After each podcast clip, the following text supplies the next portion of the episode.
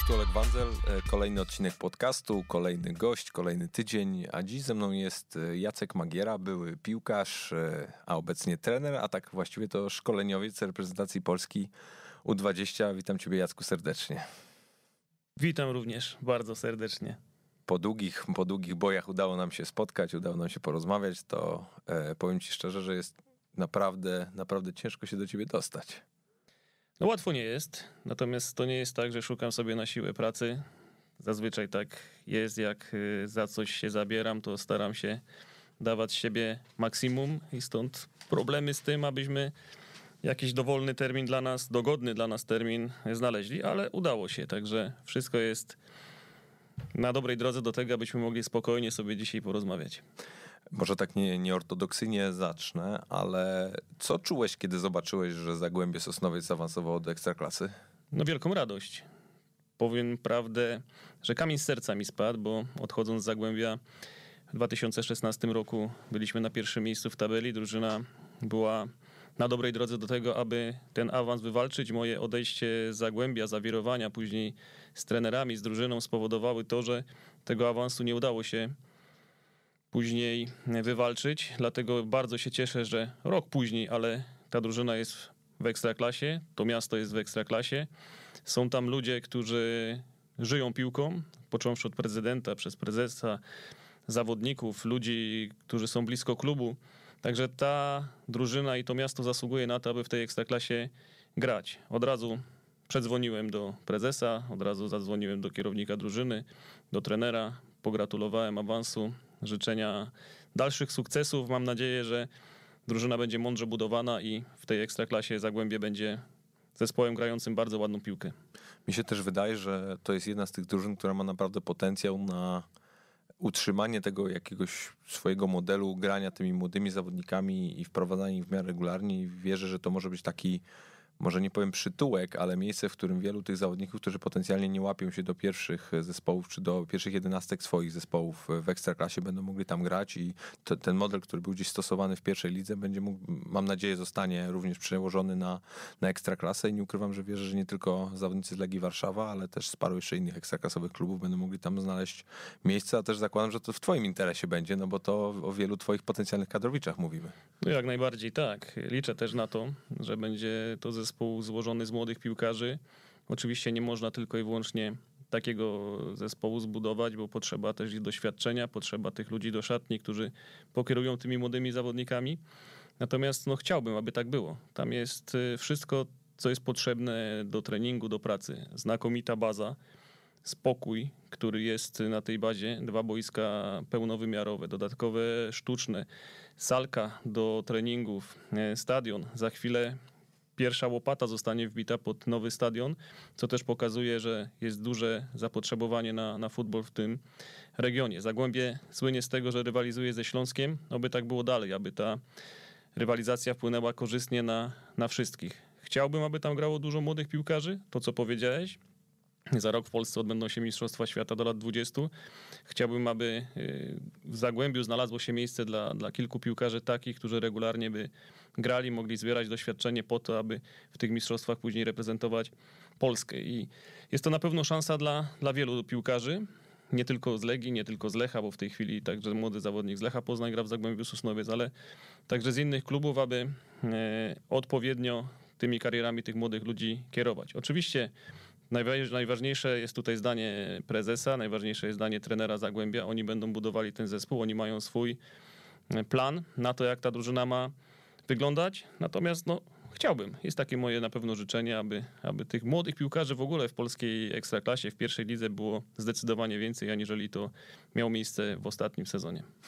To, to może od tego zacznijmy, od tej twojej roli szkoleniowca, ponieważ ja sobie tą twoją osobę, o ile można tak powiedzmy zgrabnie nazwać, podzieliłem na, na takie cztery obszary, gdy się przygotowałem do tej rozmowy, że no, jest Jacek Magiera trener, jest Jacek Magiera szkoleniowiec, jest Jacek Magiera piłkarz, właściwie już były piłkarz i jest Jacek Magiera człowiek. No to oczywiście jest gdzieś tam się e, na wielu płaszczyznach przecina i jest ta intersekcja wielu w wielu jakichś momentach twojego życia, ale, ale mimo wszystko wierzę, że innych Jacków, że tak powiem, widzimy w każdym z tych, e, z tych segmentów, no to, to zacznijmy od tego szkoleniowca i chciałem cię zapytać, jak ty się wszystkim czujesz w tej roli, bo, bo ja nie ukrywam, dla mnie ty zawsze miałeś wszelkiego rodzaju takie predyspozycje, żeby być właśnie w tej akurat materii wybitnym i, i wydaje mi, i wierzę bardzo, że znalazłeś już takie swoje miejsce, w którym na długo gdzieś tam zakotwiczysz. No na pewno cieszę się, że jestem w tym miejscu, w którym jestem. E, rzeczywiście mm, praca selekcjonera, praca trenera reprezentacji jest zupełnie inna, aniżeli pracuje się w klubie. Tutaj nie mamy codziennej styczności z piłkarzami. Tutaj więcej ta praca polega na selekcji, bardziej polega na obserwacji, na wyjazdach, na można powiedzieć, e, uświadamianiu tych piłkarzy, co powinni robić w wolnym czasie, kiedy jesteśmy poza zgrupowaniami. Weźmy przykład tej reprezentacji, która spotkała się w ostatnim czasie w Bydgoszczy przez trzy dni. Następną akcję szkoleniową będziemy mieli za trzy miesiące, czyli prawie 100 dni nie będziemy się widzieć wszyscy w jednym miejscu, tylko każdy indywidualnie będzie pracował w klubie. Zawodnicy dostali od sztabu, można powiedzieć, taką analizę naszą, nad czym powinni pracować, na co powinni zwrócić uwagę. I tutaj dużo zależy od ich świadomości, od tego, jak spędzą wakacje, jak dużo czasu będą poświęcali na, na trening indywidualny, na trening fizyczny, mentalny, na trening techniczny też, bo to są bardzo ważne rzeczy, które można robić w wolnym czasie. I, I to są aspekty, których w żaden sposób nie można zaniedbać. Ale to, co powiedziałem, praca w klubie, a praca w reprezentacji zupełnie inny inne pole do, do popisu, ale, ale fajne, nowe doświadczenie, które mam nadzieję zakończymy y, z pozytywnym skutkiem. A jaki jest Twój plan na gdzieś, bym powiedział, zarządzanie ambicjami tych, tych chłopaków? Ponieważ y, była bardzo no, taka gdzieś znamienna sytuacja przy okazji ostatnich mistrzostw e, Europy U21, E, gdzie, gdzie, nasi, gdzie nasza, nasza reprezentacja niestety z nie najlepszym skutkiem sobie radziła i wtedy było takie bardzo duża presja i na trenera i na całą to środowisko, że kompletnie sztab nie poradził sobie z, z tym, że ci zawodnicy byli na innych etapach swojego rozwoju. No byli zawodnicy, którzy grają w topowych klubach europejskich, którzy akurat przyjechali tylko na ten turniej, a byli też zawodnicy, którzy gdzieś dopiero wchodzą i wywalczą sobie miejsca w swoich klubach. E, I i budują dopiero swoją pozycję. I ja jestem przekonany, że no, będziesz miał bardzo podobne wyzwanie i się zastanawiam, jak chcesz to zaatakować, bo wiem, że zresztą na, sam, na swoim przykładzie też to, tego doświadczyłem, że potrafisz z młodymi ludźmi rozmawiać, masz, e, masz do tego talent i, i zastanawiam się, jak to, jak to ugryźć, no bo inaczej będziesz podchodził do na przykład Sebastiana Szymańskiego, który właśnie został mistrzem Polski, zagrał fenomenalne 7 czy, czy 10 meczów ostatnich i faktycznie był w bardzo dobrej dyspozycji. Teraz będzie się oczywiście głośno mówić o tym, czy po pierwsze pojedzie na, na mundial, czy, albo, albo czy nie odejdzie gdzieś do jakiegoś klubu europejskiego, a z chłopakiem, który może mieć super rundę chwilę przed mistrzostwami i rzutem na taśmę załapie się do tej drużyny i będzie miał kompletnie inną rolę. Dlatego bardzo ważne było to nasze pierwsze spotkanie. Nowy sztab, nowe wymagania, nowe wyzwania, nowe sprawy, które wprowadzamy, inne spojrzenie na, na piłkarzy. Mamy 13 osób w sztabie, każdy będzie odpowiedzialny zupełnie, za zupełnie coś innego. Każdy z trenerów, oczywiście ten sztab jest rozbudowany o fizjoterapeutów, o lekarzy, o kitmana, o kierownika drużyny, o administratora. Jest dwóch drugich trenerów. Jest trener przygotowania motorycznego, który no, to co mówimy sobie, on nie będzie miał za dużego pola do popisu, jeżeli chodzi o pracę w tej reprezentacji bezpośrednio przed akcjami. Kończy się liga 18 maja 2019 roku, a 24 maja już Polska gra mecz otwarcia na Mistrzostwach Świata, czyli to będą trzy dni przygotowań bezpośrednie do, do meczu. Jeżeli wtedy zaczniemy się przygotowywać do tego turnieju, to na pewno polegniemy, nie ma szans. Dlatego ważne dla mnie było to pierwsze spotkanie z tą grupą młodych ludzi, aby ich uświadamiać, aby im powiedzieć, jak dużo pracy, dużo wyrzeczeń, dużo wyzwań czeka na nas przez ten rok czeka na każdego z nich indywidualnie. Oni już dziś powinni myśleć o tym, co będą robili w maju przyszłego roku.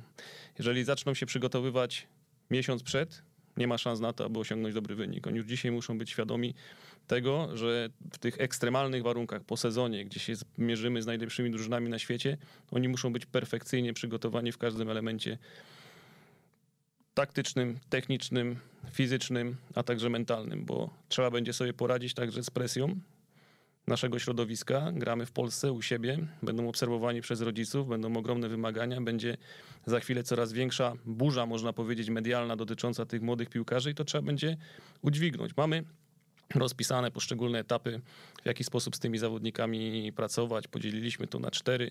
Jesteśmy po pierwszym etapie, gdzie zrobiliśmy badania, gdzie zrobiliśmy badania krwi, gdzie sprawdziliśmy ich, ich, ich moment, w którym są, jeżeli chodzi o wytrenowanie, jakie mają możliwości wytrzymałościowe, jakie mają, jakie mają możliwości pracy na dużej intensywności. Zrobiliśmy, można powiedzieć, wywiad lekarski, jakie mieli kontuzje, czy mają w klubach osoby, które są odpowiedzialne za ich suplementację. Także te wszystkie rzeczy na tym zgrupowaniu zrobiliśmy. Zagraliśmy na koniec mecz z reprezentacją U21, zremisowany 2-2 ten mecz, można powiedzieć, że w tym wszystkim był najmniej istotny. Najważniejsze było to, abyśmy e, po prostu przekazali formy, w jaki sposób będziemy się z tymi piłkarzami komunikować. Będzie Sebastian Krzepota, trener przygotowania motorycznego, odpowiedzialny za kontakt z ich trenerami przygotowania motorycznego w klubach. Będą na bieżąco rozmawiali ze sobą telefonicznie, czy też e, Sebastian będzie jeździł. Trenerzy drudzy, czyli Tomek Łuczywek, Darek Dźwigała będą z nimi także rozmawiać, obserwować ich mecze, będą e, jeździć do ich, do, do ich klubów, e, wskazywać e, miejsca, gdzie jeszcze mogą zrobić postęp. To samo trener od przygotowania indywidualnego, taktycznego, trener analityk. W stałym kontakcie wszyscy będą, ja nad tym będę czuwał i chcemy na pewno tą pracę wykorzystać maksymalnie. A czujesz, że jak patrzysz na chłopaków, mam na myśli zawodników, to oni rozumieją to, co wy do nich mówicie i faktycznie jest ta responsywność po stronie całej grupy? Nie wiem jeszcze. Trudno powiedzieć. Na pewno dla tych chłopaków ten przyjazd do Bydgoszczy na te trzy dni był bardzo dużą dawką energetyczną, którą, którą stracili. Stres, e, poznanie nowego sztabu, to co powiedziałem, badania, testy posturalne, e, mecz, trening. E, przez te dwa i pół dnia Działo się bardzo dużo i czas był bardzo intensywny, dlatego y, wszystkich reakcji każdego z osobna zawodników jeszcze nie poznałem. Trudno mi jest powiedzieć. Oni mieli czas na to, aby w drodze powrotnej do domu pewne sprawy sobie przemyśleć, ułożyć w głowie. Na pewno tu się będzie pracować bardzo mocno, intensywnie, bo to jest jedyna droga do tego, aby wejść na wyższy poziom sportowy. Dla tych młodych ludzi to są otwarte drzwi do wielkich karier. Oni muszą zrobić e, wszystko, aby załapać się do tego pociągu, jeżeli chodzi o wyższy poziom. Od nich tylko i wyłącznie będzie zależało.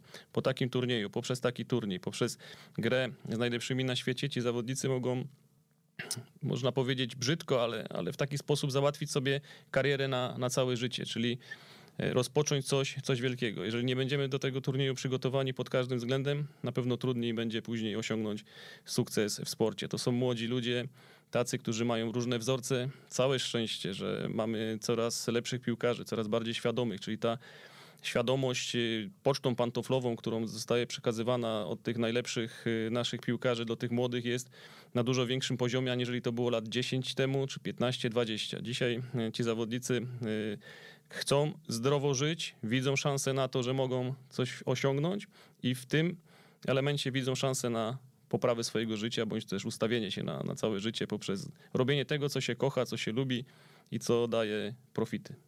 A jak patrzysz na te, na te swoje doświadczenia, no, początkowe oczywiście, jako, jako właśnie selekcjoner i zestawiasz to z, z byciem trenerem, to masz jakieś takie przeczucie, że w tym ci jest lepiej bądź gorzej? Inaczej. Nie ma lepiej, gorzej na pewno nowe doświadczenie. Sorry, że ci przerwę. Nie chodzi do końca tego mm, lepiej, gorzej w takim rozumieniu, czy masz takie coś, coś takiego, takie poczucie, że faktycznie nagle znalazłeś się w miejscu, które było twoim powołaniem. Masz coś takiego? Po części tak. Chciałem. Zawsze chciałem e, być w tym miejscu, w którym dzisiaj jestem. E, pracować e, jako trener reprezentacji dwudziestolatków, czyli tych zawodników, którzy są blisko seniorów, ale jeszcze często grają w piłce młodzieżowej, juniorskiej. To jest najtrudniejszy moment dla tego piłkarza, to przejście z wieku juniora do seniora, kiedy często są najważniejszymi osobami w swoich drużynach juniorskich, przychodzą do meczu, do, do drużyn seniorskich i rzeczywistość jest zupełnie inna. I dopiero zderzają się z tym światem, gdzie gra się szybciej, gra się mocniej, nie ma sentymentów, gdzie e, tutaj się nie patrzy na każdego zawodnika i nie głaszcze po plecach e, czy po głowie i mówi, że masz jeszcze na wszystko czas. Tu już jest walka.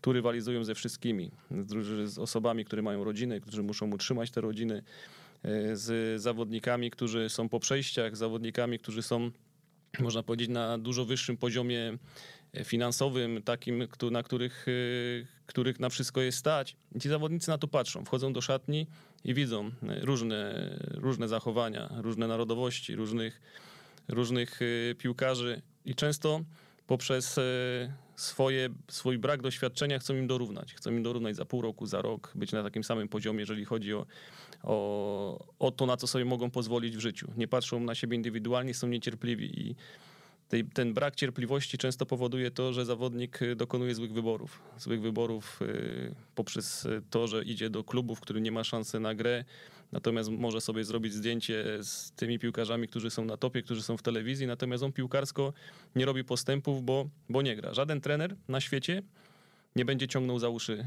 piłkarza, który odstaje na treningu. Żaden nie pozwoli sobie na to, aby miał w swojej drużynie piłkarzy, którzy nie dają możliwości rywalizacji o miejsce w składzie. Ci zawodnicy często później trenują na boku, indywidualnie, gdzieś tam pod drzewkiem, podbijają piłkę, kopią e, sobie jeden do drugiego są poza drużyną i po tej euforii później przychodzi czas rozczarowania, potem przychodzi czas takiego załamania psychicznego. Trudno później wejść na ten sam poziom. Ci zawodnicy zamiast robić krok do przodu, robić postęp, sami tak e, zapętlają się, e, może inaczej zapętlają, ciągają się w taki moment swojej kariery, że wracają w to miejsce, gdzie byli 2-3 lata temu, a potem już jest bardzo trudno wrócić na ten poziom, który, który mogli.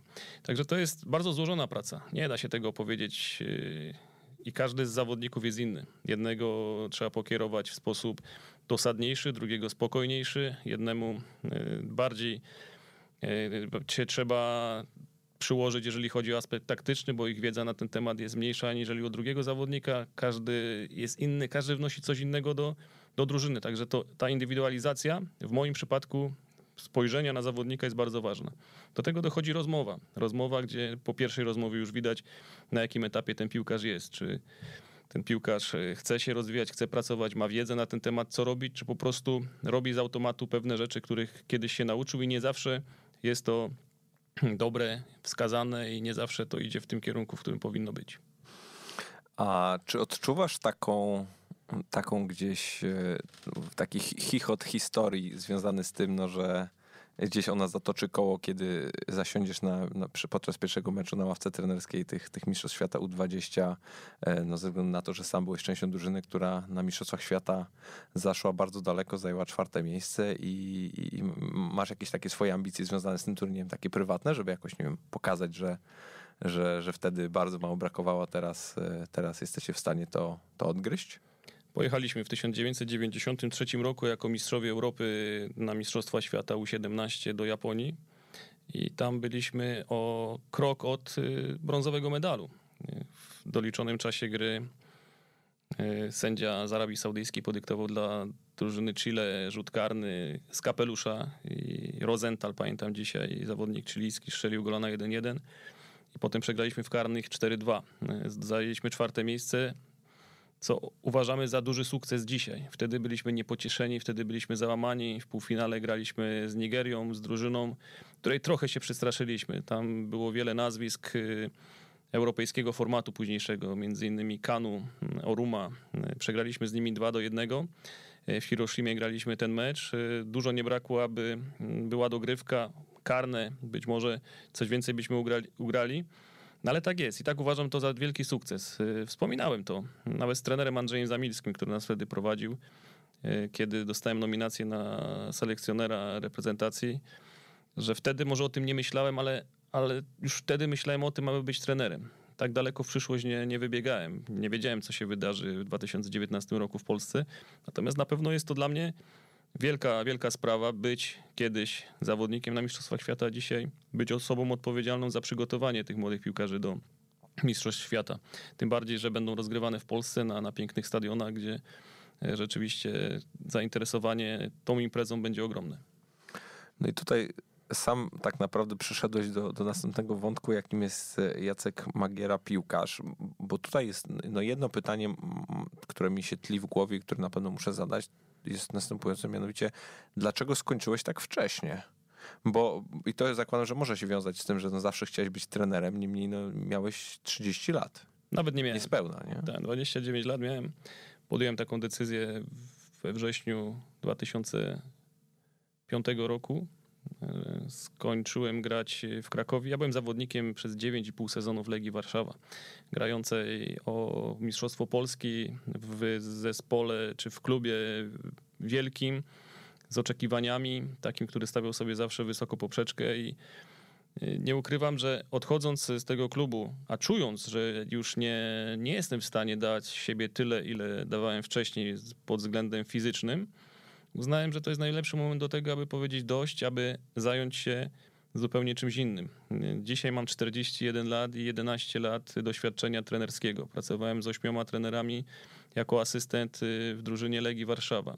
W reprezentacji Polski do lat 18 byłem drugim trenerem rocznika 1988, czyli tego, który dzisiaj jedzie na Mistrzostwa Świata do Rosji. Grał tam Kamil Glik, Kamil Grosicki, Maciek Korzym. Y, wielu jeszcze można by było wymienić tych y, piłkarzy i nabierałem doświadczenia. Potem świadomie wybrałem pracę jako pierwszy trener w drugim zespole Legii Warszawa. Rozmawiałem na ten temat z Bogusławem Leśnodorskim i uznaliśmy, że to będzie najlepszy moment. Potem wspólnie też uznaliśmy, nawet bardziej, bardziej Boguś uznał, że to nie jest dla mnie, że nie jestem w stanie na dzisiaj e, w tej drużynie zrobić po swojemu na tyle, aby być z tego zadowolonym i odszedłem. Następny krok Zagłębie Sosnowiec, jako pierwszy trener, potem Legia Warszawa, wiadomo co się e, działo w tym klubie, odrobiliśmy 12 punktów straty, zdobyliśmy tytuł mistrza Polski, graliśmy w Lidze Mistrzów w grupie śmierci, można powiedzieć, gdzie zdobyliśmy 4 punkty. Wyszliśmy z grupy do Ligi Europy, osiągnęliśmy sukces, awansowaliśmy poprzez to do Ligi Europy i to doświadczenie uważam, że dzisiaj przydaje mi się w sposób szczególny. Natomiast y, te 10 lat to były najpiękniejsze lata. Wtedy, kiedy mogłem patrzeć z boku, mogłem patrzeć bez wielkiej presji na to, co, co się wydarza, na to, w jaki sposób trenerzy reagują na niepowodzenia, na to, jak wygrywają, na to, czy drużyna jest y, skonsolidowana, czy też nie. To są bezcenne lekcje. Często kibice widzą tylko efekt końcowy, czyli mecz. Nie wiedzą, jakie są zależności jeden od drugiego co, co zależy, żeby zawodnik y, dobrze biegał, żeby dobrze grał. No to są, to są sprawy, które gołym okiem nie da się y, powiedzieć i znaczy powiedzieć, zobaczyć. I, i będąc w środku, no zupełnie inaczej na pewne rzeczy później patrzysz, kiedy jesteś tą osobą, która o, o, tych, o tych rzeczach decyduje. Czyli nie masz żadnych takich niespełnionych e, ambicji czy, czy celów związanych e, z karierą piłkarską? Nie mam. Ja jestem zadowolony z tego, co udało się osiągnąć. Mm, patrząc już y, od najmłodszych lat, w wieku 16 lat zostałem mistrzem Europy juniorów do lat 16. W wieku 17 lat zająłem czwarte miejsce na Mistrzostwach Świata. W wieku 16,5 roku zadebiutowałem w pierwszej drużynie mojego Rakowa Częstochowa, grając z Wartą Poznań na pozycji stopera, co też y, było bardzo ważne. 16-latkowi powierzono funkcję bardzo odpowiedzialną, bo nie grało się tak jak dzisiaj w linii czterema obrońcami, tylko był stoper, forstoper. Ta osoba, która była na końcu, dyrygowała z zawodnikami, którzy byli ode mnie starsi dwa razy, bo ja grałem mając 16 lat, grałem z zawodnikami mającymi 37-38 lat i trzeba było sobie dać, da, dać radę. Potem zadebiutowałem w Ekstraklasie. E, strzeliłem 6 goli w jednej rundzie. Zostałem transferowany do Legii Warszawa. W Legii Warszawa Występowałem 9,5 sezonu, można powiedzieć, w najlepszym polskim e, klubie. Zdobyłem dwa razy tytuł Mistrza Polski, Puchar Polski, Super Puchar Polski. Grałem w reprezentacji młodzieżowych. E, rozegrałem oficjalnych 99 spotkań z orzełkiem na, na piersi, co można uznać za, i tak jest, rekordem Polski. No i Później doszedłem do wniosku, że to, co mogłem osiągnąć w sporcie, jeżeli, jeżeli chodzi o karierę piłkarską, to już osiągnąłem.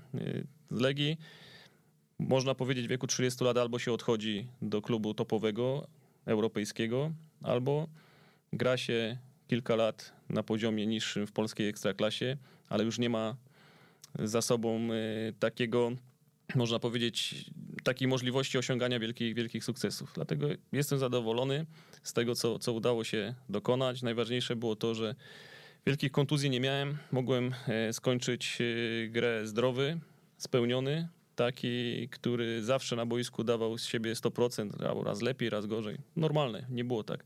Natomiast zawsze do swoich obowiązków podchodziłem bardzo profesjonalnie.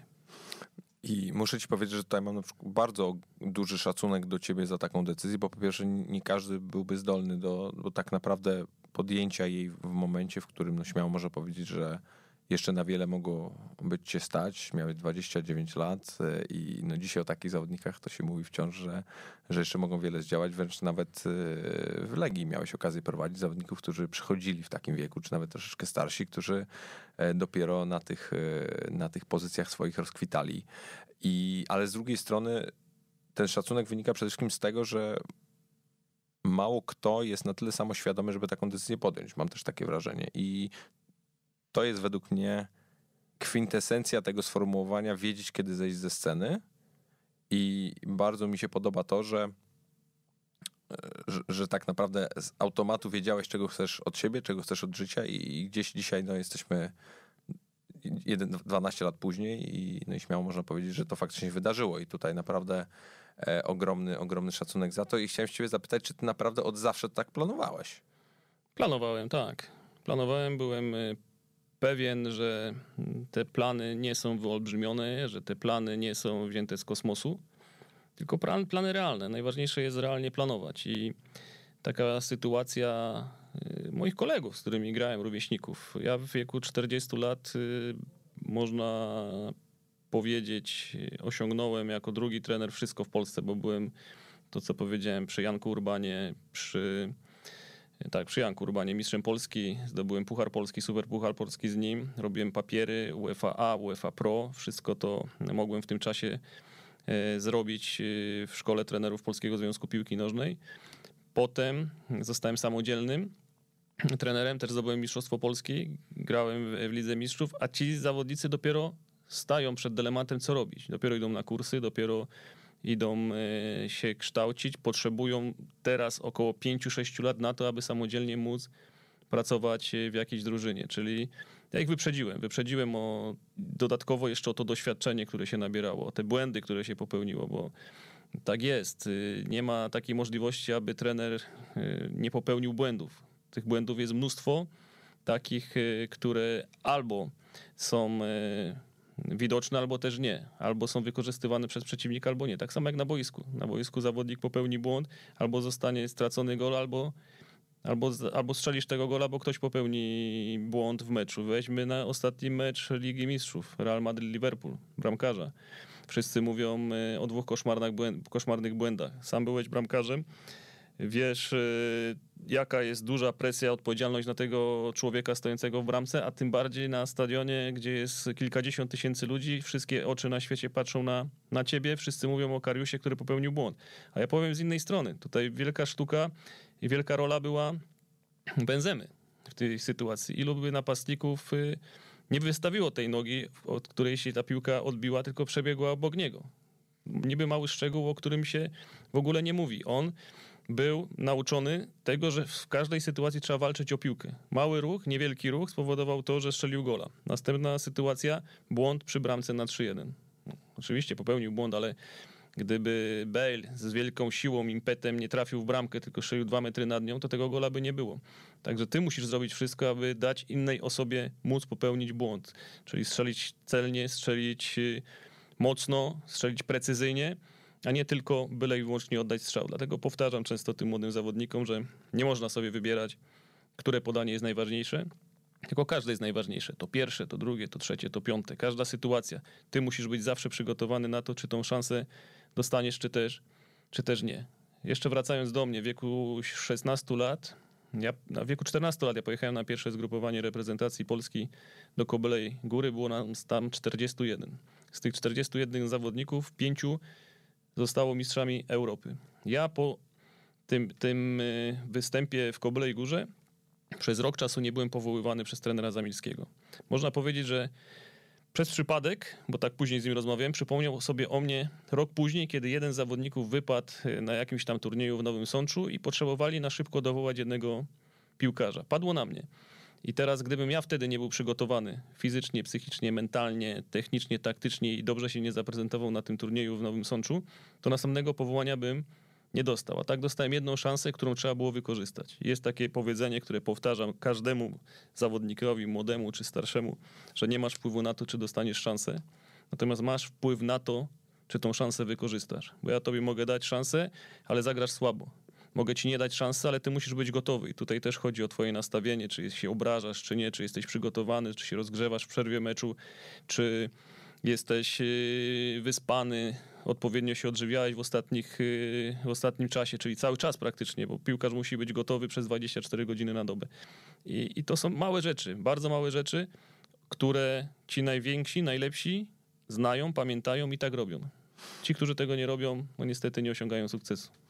Masz takie wrażenie, że byłeś troszeczkę, w pewnym sensie wyprzedziłeś swoją epokę, jeżeli chodzi o no, takie nastawienie mentalne i jakąś profesjonalizację twojej działalności, bo zdaję sobie sprawę, że te cechy, które posiadasz, to posiadałeś je zawsze i byłeś bardzo, miałeś bardzo określony, bardzo określony styl bycia, e, a no w latach, a w latach 90. czy na początku 2000 no to piłka nożna w Polsce przede wszystkim e, wyglądała kompletnie inaczej. Nie było takiego podejścia, jakie jest dzisiaj i śmiem twierdzić, że ty jako piłkarz dużo bardziej mógłby się potencjalnie odnaleźć w dzisiejszych czasach niż, niż w tamtych. Jak to z twojej perspektywy wyglądało? No na pewno tak. Ja byłem takim modlutkiem wtedy.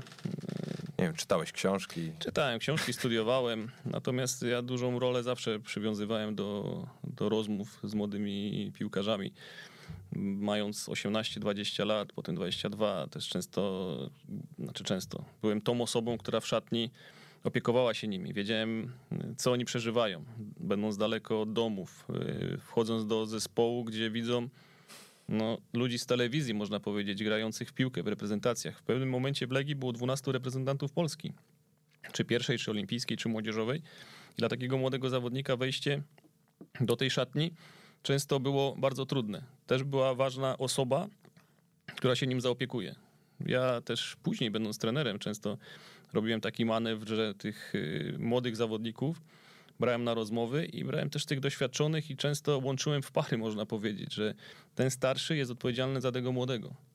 Że ten starszy musi czuć odpowiedzialność za niego, a ten młody ma osobę, do której wie, że może się w każdej chwili zwrócić. I, i to, to spowodowało to, że ten starszy musiał, chcąc nie chcąc, prowadzić się tak jak należy odpowiedzialnie, bo miał pod sobą młodego, a ten młody wykonywał to, co ten starszy powinien robić. I takie przypadki były, sprawiały mm, dobre skutki.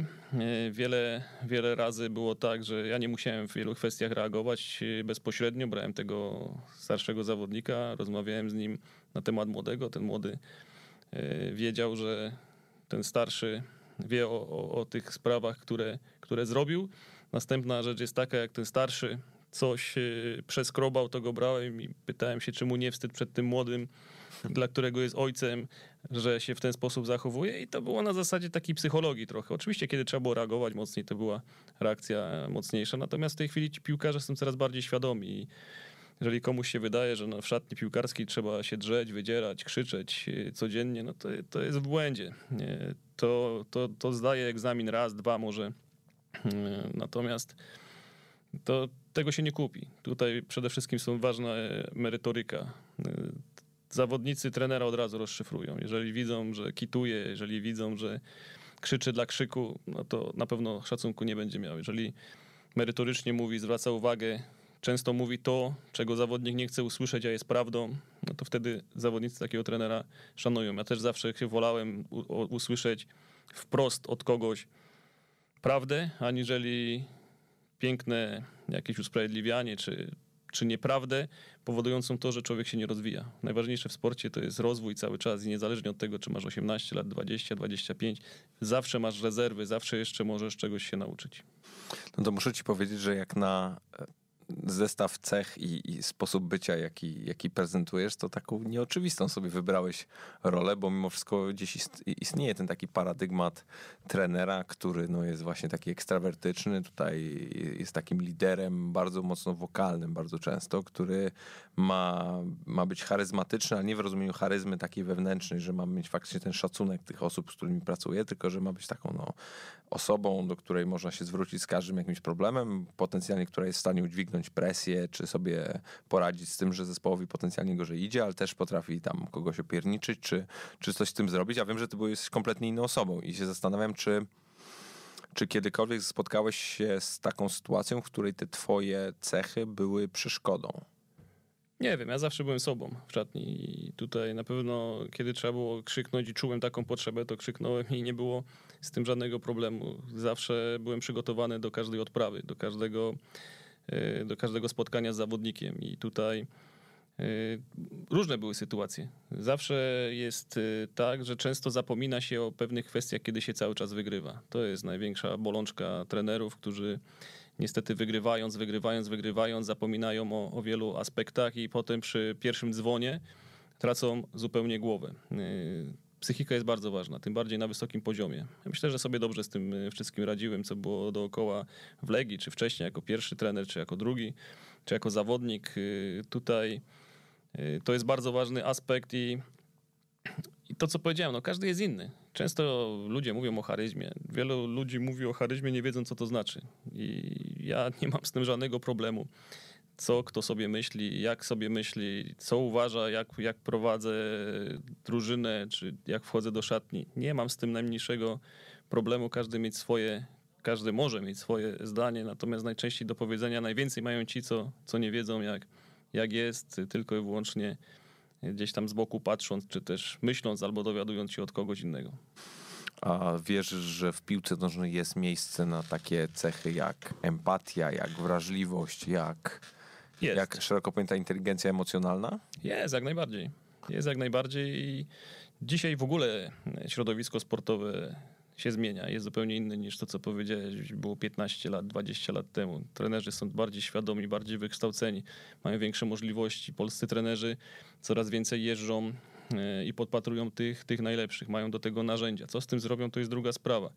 Konferencje, które są robione w Polsce, są tłumy, 200, 300, 500 osób. Ostatnio byłem na Lechu Poznań, miałem swoją prelekcję, ponad tysiąc osób, tysiąc, trener, tysiąc trenerów e, słuchało to, co się ma do powiedzenia, bo chcą. Są chłonni wiedzy, wyjeżdżają na staże. Nie mamy kompleksów i, i na pewno tutaj bardzo ważne jest to, aby zostało to docenione, aby, aby w klubach e, było coraz więcej stabilizacji, jeżeli chodzi o danego szkoleniowca. Polska niestety nie jest takim krajem, gdzie mamy, mamy spokój w dobrym tego słowa znaczeniu, gdzie można pracować, zrealizować swoją wizja. Nie mówię tutaj o sobie, ale o każdym innym trenerze. Częste zmiany e, trenerów po pół roku, po roku, po, po kilku miesiącach. Weźmy Liverpool, Jurgena Kloppa, trzy lata pracuje. Bez większego sukcesu. Bez większego sukcesu. Oczywiście ogromny sukces, bo to jest e, finał Ligi Mistrzów. Grał dwa, trzy lata temu, grał w finale Ligi Europy, przegrał go, ale nie był rozliczany po jednym, po jednym meczu. Dostał kredyt zaufania. Zinedine Zidane Real Madryt wiemy, jaki to jest y, klub. Wiemy, co to jest. Znaczy tam być drugie, zająć drugie miejsce, czy trzecie miejsce nawet za, za Barceloną. To jest y, niedopuszczalne. A wytrzymano ciśnienie. Było wcześniej mówione, że najprawdopodobniej się pożegna. Nie, dostał wsparcie, awansował do finału Ligi Mistrzów, zdobył po raz trzeci puchar. To są rzeczy bardzo ważne, takie, które pokazują, y, że mając i obierając odpowiednią, odpowiednią linię, można osiągnąć sukces.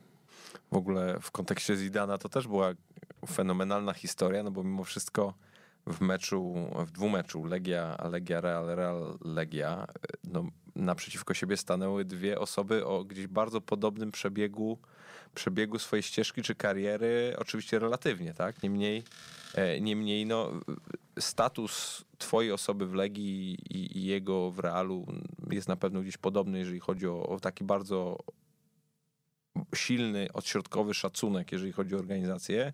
I, i też patrzyłem na to, na to e, z boku i, i nie ukrywam, że była to, to jest taka bardzo, fa- życie wiesz, życie pisze fantastyczne historie, jeżeli o to chodzi. I faktycznie był ten Zidane, który też e, wchodził do tego Realu, który też e, bardzo często zadawano sobie bardzo podobne pytania, co względem twojej osoby były zadawane w Warszawie, czy na pewno to jest odpowiedni czas? I choć był przygotowywany przez lata, czy na pewno jest dobra decyzja, że teraz, a co jeżeli mu się nie powiedzie, powrót do tej do tego klubu będzie bardzo ciężki, bo wszyscy będą pamiętali to, że raz sobie nie dał rady. I, i, i te pytania naprawdę miałem takie wrażenie, jakby się gdzieś dublowały w, w waszym kontekście. Tak, tak. Y, Bardzo podobne były i pytania, i obawy. No nie można się bać. Odwaga, decyzja. y, Oczywiście zawsze będzie zastanowienie, czy to jest odpowiedni moment, czas. Nie ma tak, mówiąc poważnie, odpowiedniego momentu czasu. Nikt nie jest w stanie to, to stwierdzić. Ja rozmawiałem z wieloma ludźmi przed podjęciem pracy w Legii. Wielu mi odradzało tego, że drużyna jest y, rozbita, że jest y, no, bałagan, że pierwszy mecz z Borusią przegrany 6-0, na trybunach były burdy, że był konflikt właścicielski. No, to był bardzo trudny moment. Natomiast ja wiedziałem, że ja, to jest ten moment dla mnie. Ja nie słuchałem innych. Ja zawsze słucham siebie przede wszystkim, jeżeli chodzi o podejmowanie decyzji. Mam osoby zaufane, blisko siebie, z którymi rozmawiam. Natomiast decyzja zawsze należała, należała do mnie. I tutaj y, na pewno z tego, z tego czasu jestem bardzo zadowolony, bo zrobiliśmy wspaniałą rzecz. A w ogóle miałeś kiedyś okazję z Zidanem rozmawiać jakoś tak dłużej przy okazji tych meczów? Nie, krótka rozmowa przed meczem w Madrycie, yy, w- w- stojąc, stojąc w tunelu. Yy, Tam w ogóle ten tunel jest tak yy, przedzielony taką kratą, także tego dostępu do zawodników yy, nie ma zbyt dużego. Moment 30-40 kroków, kiedy się wspólnie idzie, to jest czas na to, aby gdzieś tam wymienić dwa, trzy zdania, życzyć powodzenia y, tego, aby zawodnicy skończyli zdrowi, ale ogólnie bardzo pozytywna postać, y, otwarta, taka też spokojna, która y, widać, że jest życzliwa, nie ma nosa y, w chmurach, stąpająca mocno po ziemi, mimo takich sukcesów. No, wszyscy wiemy, co osiągnął Zinedine Zidane jako piłkarz i jakim był piłkarzem i teraz to, co robi jako trening. Natomiast y, można powiedzieć, że jest normalny. Normalny w pozytywnym tego słowa znaczeniu. Tak samo jak trener Sportingu Jesus, który to samo przyszedł. y, Jego na pierwszym meczu nie było, bo był wyrzucony przez sędziego na trybuny nie mógł poprowadzić zespołu. Natomiast po rewanżu, kiedy Legia wygrała 1-0, zapewniając sobie awans do Ligi Europy, zapewniając sobie trzecie miejsce w grupie, przyszedł później do mnie, pogratulował, życzył powodzenia. Y, Uważał, że wygraliśmy zasłużenie. Chciał, aby jego drużyna grała dalej, natomiast po- potrafił docenić trud y, tej teoretycznie słabszej drużyny pod każdym względem, natomiast w tym meczu lepszym. To na pewno świadczy o, o, o dużej klasie tych ludzi, nie?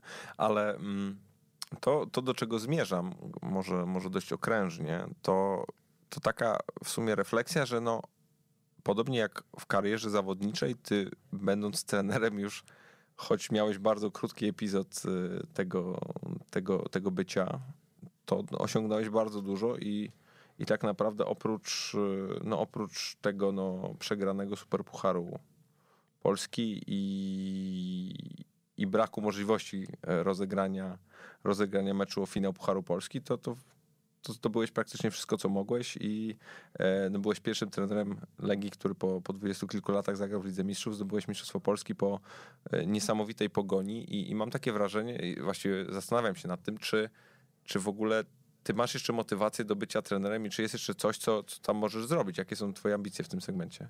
Znaczy, na pewno nigdy mi nie zabraknie inspiracji i motywacji, natomiast bardzo ważna jest, y, jest czas pracy i czas odpoczynku. Ja nie ukrywam, że po meczu, znaczy po meczu, po, w momencie zwolnienia z Legii 13 września potrzebowałem ogromnego resetu. Te 2-3 miesiące dla mnie były takie, gdzie przede wszystkim skoncentrowałem się na nadrabianiu zaległości w domu, na tym, aby być y, wyluzowany, spokojny, aby najwięcej czasu spędzać z rodziną czytać książki, jeździć sobie po Polsce mm, w ciszy, w spokoju, w zadumie, gdzieś tam zanalizować to wszystko, co się wydarzyło. I ten czas taki dla mnie to jest ładowanie akumulatorów, ładowania energii y, i to, co powiedziałem, szukania inspiracji. Ja dookoła szukam inspiracji wszędzie, będąc w parku, będąc na boisku piłkarskim, gdzie trenują dzieci, gdzie biegają, czy na rowerach jeżdżą dzieci. Yy, szukam inspiracji poprzez odpowiednie i cytaty, i filmy. Także tego nigdy nie zabraknie. Jeżeli masz obraną swoją drogę i wiesz, co chcesz robić w życiu, to tego nie powinno ci nigdy zabraknąć. Yy, wróciłem do pracy, można powiedzieć, od 2 czy tam 1 stycznia z wielkim zapałem, z nowymi wyzwaniami. Uważam, że to, co mam do spełnienia i zrobienia w Polskim Związku Piłki Nożnej jako trener reprezentacji, to jest misja pomóc tym młodym piłkarzom wejść na wyższy poziom. Ja to zrobię. Ja od siebie będę wymagał bardzo dużo. Bardzo dużo. Tak samo jak i będę wymagał bardzo dużo od y, mojego sztabu, aby y, byli zawsze przygotowani perfekcyjnie do, do przeprowadzonych zajęć. My będziemy wymagać od siebie i liczę na to, że zawodnicy też będą wymagać od siebie. My jesteśmy od tego, aby im pomóc. Jesteśmy od tego, aby dzięki e, współpracy weszli na wyższy poziom sportowy. Ich wybór. Zawsze masz wybór. Albo wybierzesz dobrze, albo wybierzesz źle. Ja to powtarzam zawsze, na każdym kroku. Możesz mnie słuchać, możesz mnie nie słuchać. E, na odprawie e, możesz być skoncentrowany, możesz być nieskoncentrowany. Wymagam koncentracji, wymagam perfekcyjnego przygotowania w każdym elemencie. Kiedy trener nie patrzy, możesz ćwiczyć albo możesz nie ćwiczyć, czyli to jest ten czas wolny, kiedy dzisiaj oni są w domu. Jak grasz, to się obrażasz, albo podciągasz rękawki i walczysz o to, żeby w następnym meczu wygrać. Takich przykładów z życia też dużo daje, aby tych młodych ludzi uświadamiać do tego, że, że nie ma rzeczy niemożliwych. Nie ma słowa czy zdania nie da się, nie uda się. Nie, nie myślmy w ten sposób. Nie ma rzeczy takich, których nie można przeskoczyć. Człowiek ma tak duże rezerwy, że często ci młodzi ludzie nie zdają sobie sprawy, jak duże mają nie narzekać, bo często jest tak, że po treningu, po meczu, a zmęczony jestem, takie nastawianie negatywne, nastawianie, nakręcanie jeden drugiego, szukanie alibi, szukanie wymówki. Nie ma, nie ma czegoś takiego jak, jak zmęczenie. Jeżeli piłkarz jest niezmęczony, no to źle, no musi być zmęczony, bo to, wykonu, bo to wskazuje, że wykonywał odpowiednią pracę. Jeżeli schodzi z treningu świeży, no to jest błąd. Piłkarz zawsze musi być na, na takim pułapie zmęczeniowym, bo to, to pokazuje, że może grać na dużej intensywności. Też pytałem dla, dlatego, ponieważ mam takie wrażenie, że,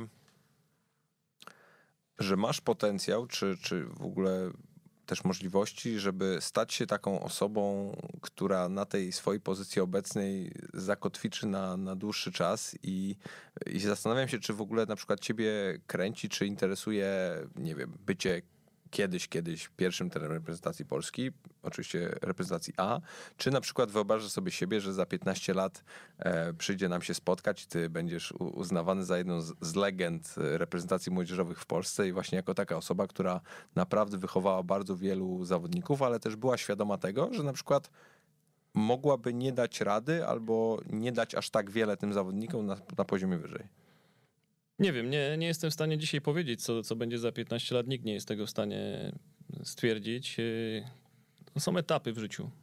Ja zaczynając robić pierwsze kursy trenerskie w wieku 16 lat, bo tak było, mm, myślałem o pracy z młodzieżą, z dziećmi. Potem przed taki moment, że chciałem z nieco starszymi, jeszcze starszymi, aż w końcu przed taki moment, gdzie uważałem, że jestem gotowy na pracę z seniorami. Mm, to, co powiedziałem wcześniej, nie ma aż sensu też tak bardzo daleko wybiegać w przyszłość i planować.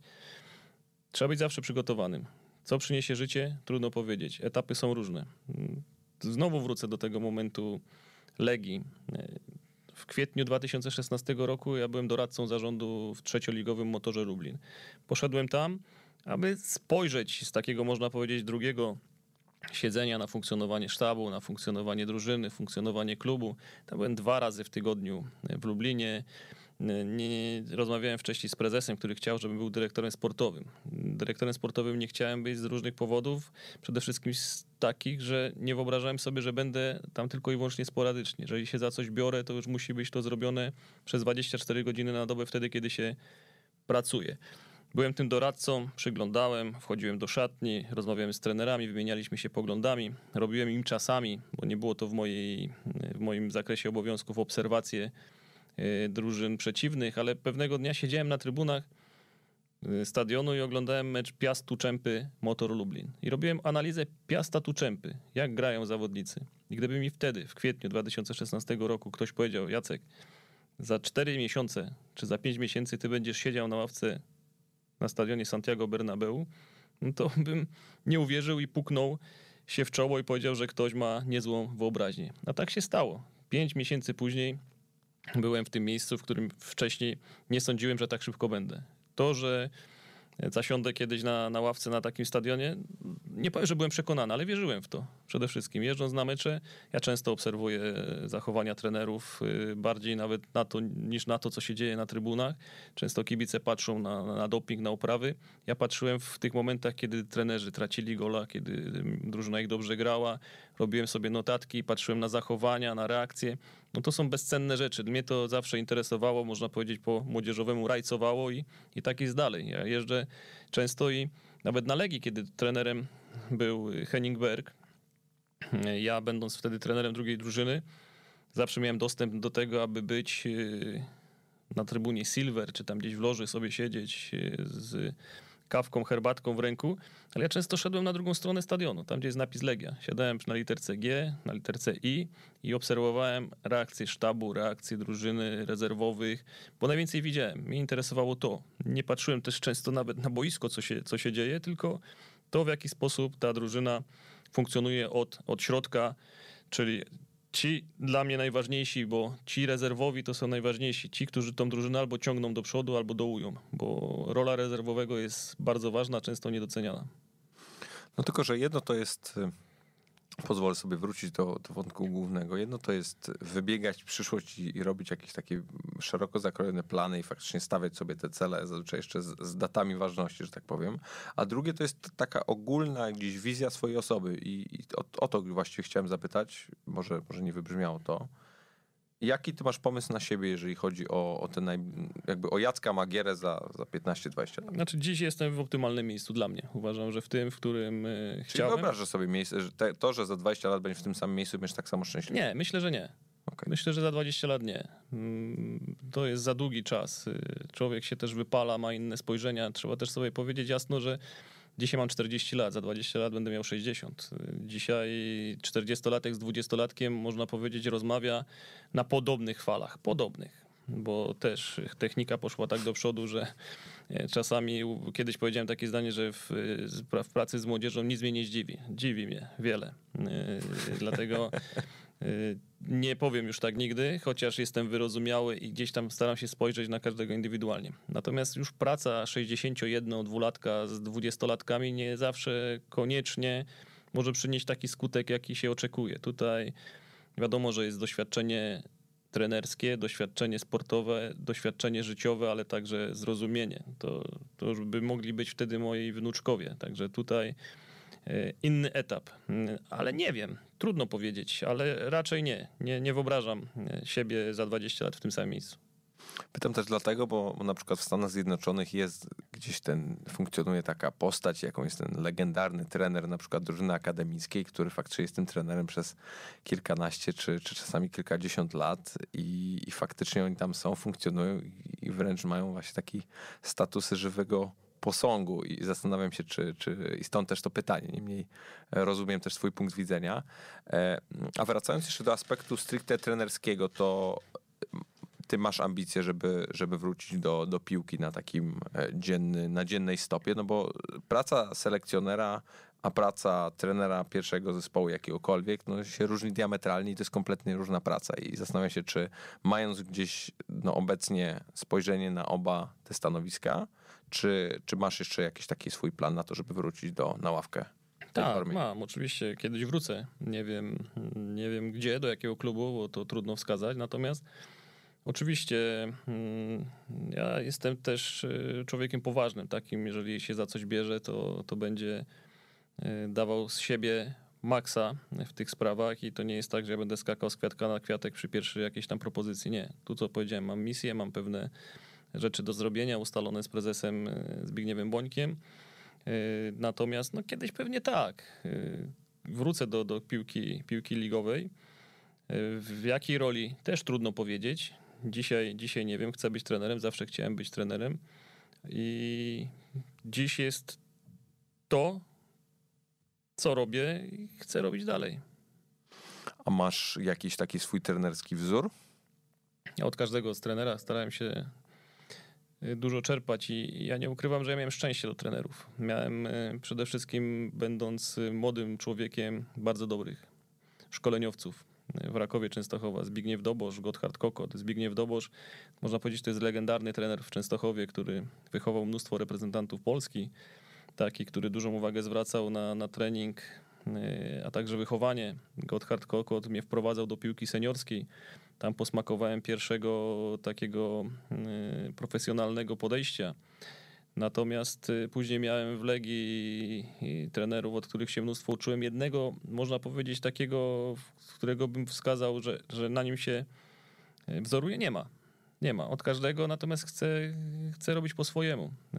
Kiedyś Y, zarzucano, że za dużo się rozmawia z zawodnikami, natomiast innemu się zarzuca, że, za, że w ogóle nie rozmawia z tymi zawodnikami. No nie ma jednej, jednej drogi do sukcesu. Każda droga, która prowadzi do tego, aby się zawodnicy rozwijali, osiągali sukces, wygrywali, jest inna i jest dobra. Jeden y, tłumaczy, drugi krzyczy. Jeden wymaga, drugi nie wymaga. Trzeci robi dwa razy w tygodniu trening, czwarty pięć razy w tygodniu trening. Jeden robi dwa treningi dziennie, drugi jeden trening dziennie. Nie ma. Natomiast no, każdy ma na pewno swój plan. Byłeś piłkarzem, wiesz, wiesz o tym, jak to, jak to jest, czy w juniorach, czy w seniorach. Pracowaliśmy razem. Miałem z tobą też i rozmowy indywidualne, chyba w Austrii, z tego co pamiętam, na, na obozie. Na zgrupowaniu, tak. Także posmakowałeś wszystkiego, skończyłeś grać, dzisiaj zajmujesz się zupełnie innymi rzeczami, jesteś szczęśliwy i to jest najważniejsze. Najważniejsze jest to, aby realizować siebie i być szczęśliwym w życiu, bo, bo to jest podstawa. A na ile możesz powiedzieć dzisiaj, że jak wchodziłeś w ten świat piłkarski, to no z perspektywy czasu pozostałeś sobą? W stu procentach mogę powiedzieć.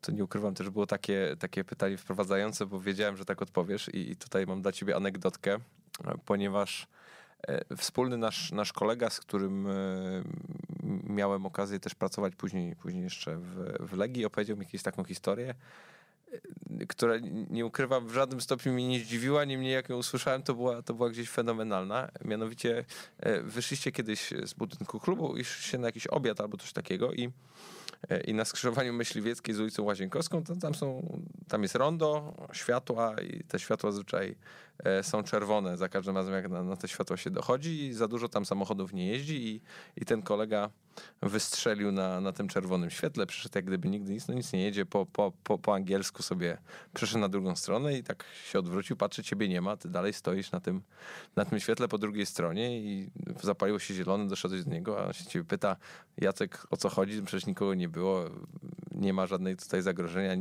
ani nie było to głupie, ani jakiekolwiek inne. On mówi, zobacz, tutaj stoi mały, mały chłopiec ze swoim dziadkiem, i ja jestem dla niego wzorem. Ja jestem dla niego przykładem tego, jak dorośli ludzie funkcjonują. E, I, I nie można takich rzeczy robić. I, i, I, wtedy sobie tak zdałem sprawę, Boże Święty, jaki to jest w ogóle poziom gdzieś tam odpowiedzialności, takiej percepcji. I chciałem ciebie zapytać, skąd się to u ciebie bierze? To takie, takie poczucie odpowiedzialności za, za, za siebie, ale też za otoczenie, na które twoja osoba ma, ma określony wpływ. No to jest bardzo ważne.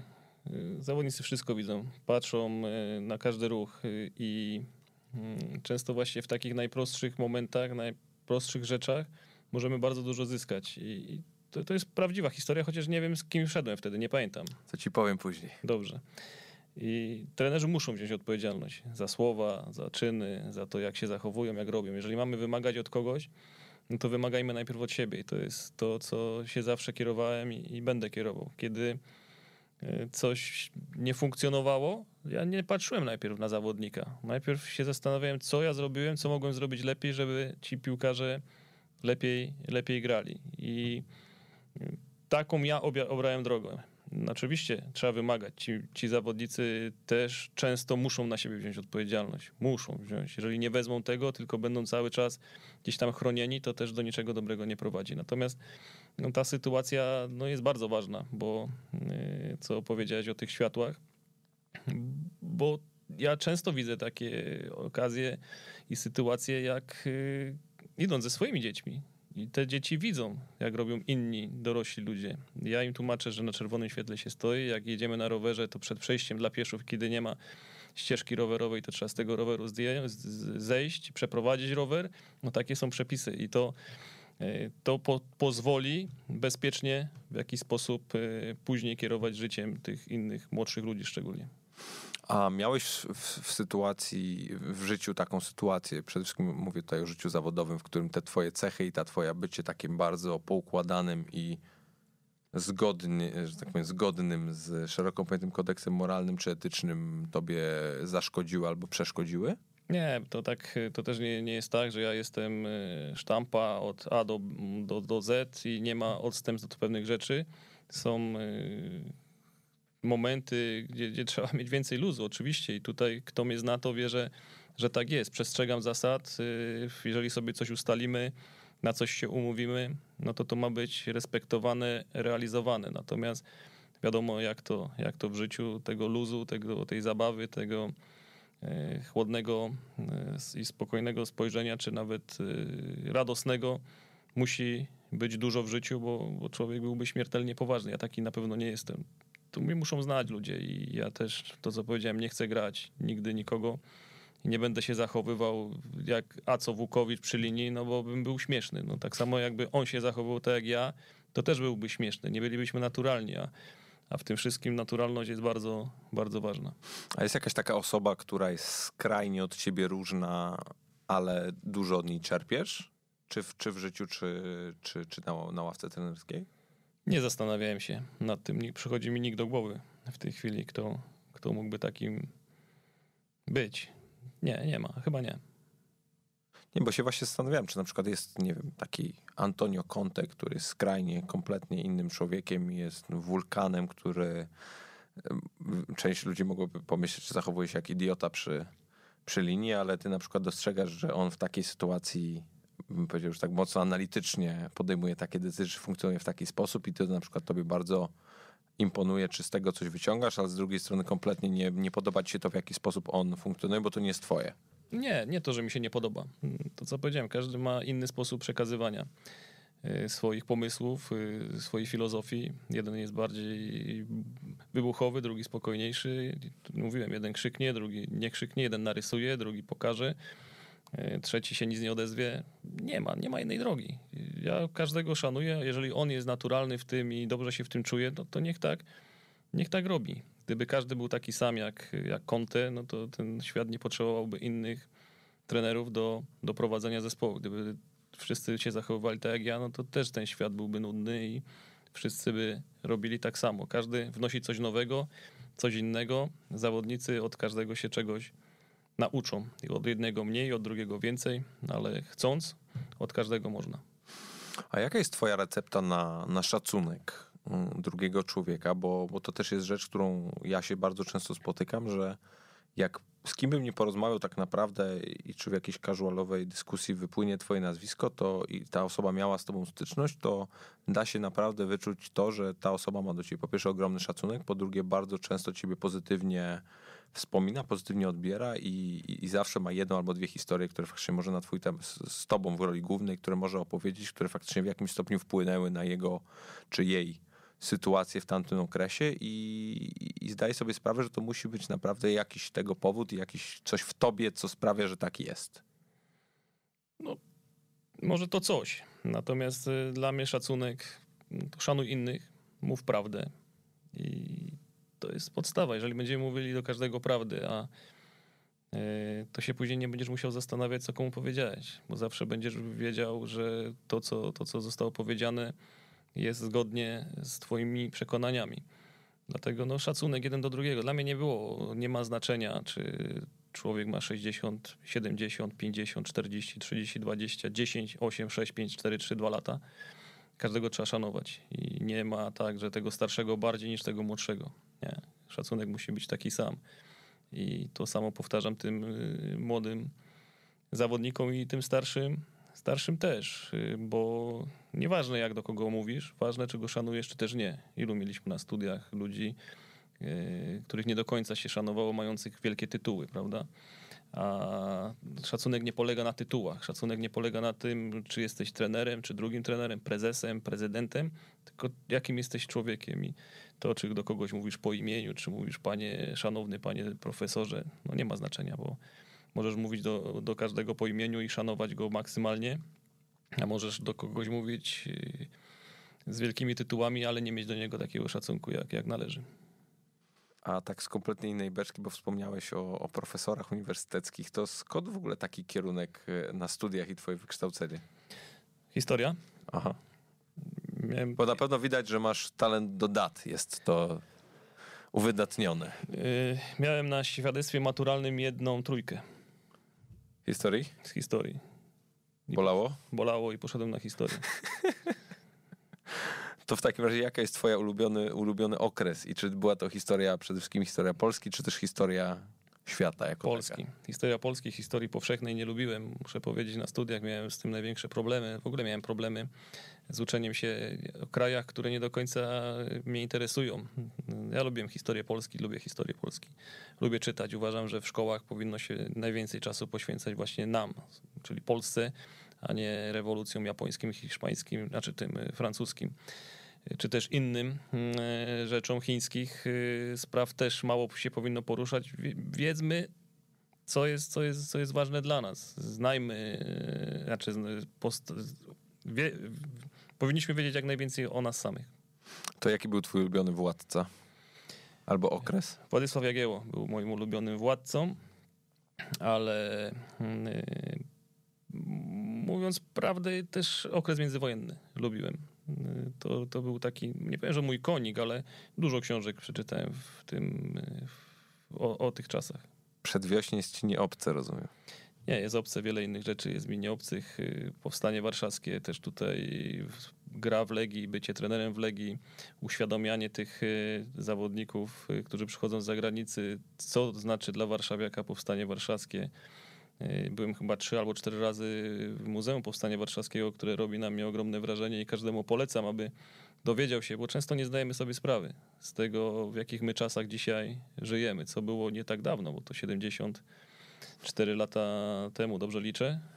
Tak. 74 lata temu wybuchło, jak y, widzę młodych harcerzy, którzy idą ulicą, y, a też lubię to, to środowisko i zastanawiam się, że te 74 lata temu ci młodzi ludzie, tacy w wieku 10, 12, 14, 16 lat szli na śmierć, na wojnę, to serce krwawi i widząc później to, jak mnóstwo ludzi zginęło. I to jest na pewno coś, co powinniśmy szanować. I ta historia jest bardzo niedawna. Dzisiaj żyjemy w pięknym mieście, w najpiękniejszym mieście, jakie jest, rozbudowanym, w którym żyje się wspaniale. Natomiast jeszcze nie tak dawno nasi dziadkowie, można powiedzieć, tego nie mieli. Zresztą też wciąż no, w Warszawie można spotkać wiele przykładów czy, czy dowodów, bądź e, z, z, takich no, stricte miejsc, gdzie można to, tego, tego powstania doświadczyć, gdzie mamy po, podziurawione ściany, z, poniszczone budynki. No zresztą wystarczy się przejść Pragą, No tak jest. Ja, wiesz, 15 minut. ja miałem takie momenty, będąc trenerem Legii, że często ja tylko dwa mecze przegrałem jako trener Legii w tym pierwszym sezonie. W Szczecinie 3-2 i potem u siebie z Ruchem Chorzów y, 3-1. Resztę trzeba było wygrać, żeby zdobyć Mistrzostwo Polski. My praktycznie tam z dwoma, z trzema remisami reszta wygraliśmy. Ale po meczach w następnym sezonie ja po takim spotkaniu z Sandecją Nowy Sącz y, szedłem z, ze stadionu Legii na nogach do domu, na Bemowo, około 14 kilometrach. Będąc trenerem drugiej drużyny i też chcąc coś przemyśleć, często chodziłem na nogach właśnie szlakami Powstania Warszawskiego, gdzie było getto, gdzie są te wszystkie pomniki. Zatrzymywałem się. Dzisiaj żyjemy w czasach, gdzie można w telefonie sobie odtworzyć, zobaczyć w internecie, co się w tej chwili te- w tym miejscu, gdzie dzisiaj stoimy, wydarzyło te 70 czy 80 lat temu. Dlatego miałem takie lekcje historii już y, po, po tych wszystkich y, meczach i, i rzeczywiście bardzo polecam, abyśmy wiedzieli, czasami się zatrzymali, dlaczego w tym chodniku jest y, inna kostka. Często przechodzimy, nie zwracając na to zupełnie uwagi, a tam jest tablica, gdzie jest napisane w tym miejscu w roku 1944 i tak dalej można dalej tłumaczyć. Najlepsza lekcja, jaka może być historii. Przejście po mieście. Przejść się po mieście, zobaczyć, zatrzymać, trochę zastanowić. Często żyjemy w takim pędzie, że człowiek no na to nie ma czasu. Ja, ja, ja jestem przerażony tym, w jaki sposób y, ludzie sobie utrudniają życie jeden drugiemu na ulicy. Więcej wyrozumiałości, więcej spokoju, więcej uśmiechu, więcej radości. No to spowoduje, że się łatwiej i lepiej będzie, będzie żyło. Za dużo przywiązujemy wagi do małych rzeczy, takich, które są nieistotne, mało istotne, a wyolbrzymiamy ich y, je do granic y, no, możliwości, można powiedzieć. Dlatego więcej zrozumienia, spokoju, radości, uśmiechu. Mi się też wydaje, że brakuje takiej szeroko pojętej życzliwości do drugiej Też, osoby. też. No ale co stoi na przeszkodzie, żeby ta życzliwość była? No nie, w, w skali mikro nic. No jestem przekonany o tym, że wręcz każdy, kto, kto wysłucha tej rozmowy i sobie tak e, jakąś, na jakąś refleksję sobie pozwoli, to jestem przekonany, że przez najbliższą godzinę coś miłego komuś powie albo coś miłego zrobi. Niemniej tu właśnie to polega na tym, żeby jakiś taki trend się bardziej utrzymał, niżeli byłoby to byłoby to tylko chwilowe. No niemniej zdaję sobie też sprawę, że to każdy wewnętrznie musi czuć taką potrzebę, żeby to się wydarzyło. Tak? Jest siła nawyku. Zacznijmy od minuty, później zróbmy 10, 20, godzinę, dwie. Pomagajmy, rozmawiajmy, uśmiechajmy się. No, na tym polega życie i, i tak trzeba. Cieszmy się z innych sukcesów, a nie zawsze tak jest, że się cieszymy, jak komuś się uda. Częściej się cieszymy wtedy, kiedy komuś się coś nie uda. Dlatego ja tego nie mogę, nie mogę zrozumieć i, i ja bym chciał, aby to myślenie się trochę zmieniło. Nawet nie trochę. A jakbyś tak konkludując tę naszą rozmowę, podsumować, e, podsumować to jednym zdaniem albo takim no, sformułowaniem, które chciałbyś po prostu ludziom powiedzieć, przekazać tak od siebie? Masz coś takiego? Nie, nie mam. Nie. Każdy niech żyje według swoich zasad, wartości, tym, y, czym się kieruje. Jak normalnie. Ja każdego akceptuję, bo najważniejsze jest zaakceptować innych. Czy zrozumiem wszystkich? Nie, raczej zrozumieć nie. Ale każdy może inaczej myśleć, każdy może inaczej na pewne rzeczy patrzeć. Yy, Oczywiście ja uważam, że powinno się brać odpowiedzialność za to, co się mówi, za, za słowa. Często jest tak w dobie internetu, Twittera, Facebooka, innych yy, tych yy, społeczności, które, które są. Mm, No, coś się napisze, urazi kogoś, często się zapomina później o tym, no, nie myśląc o tym. Wydaje mi się, że to, to, to jest złodziej czasu tak największy.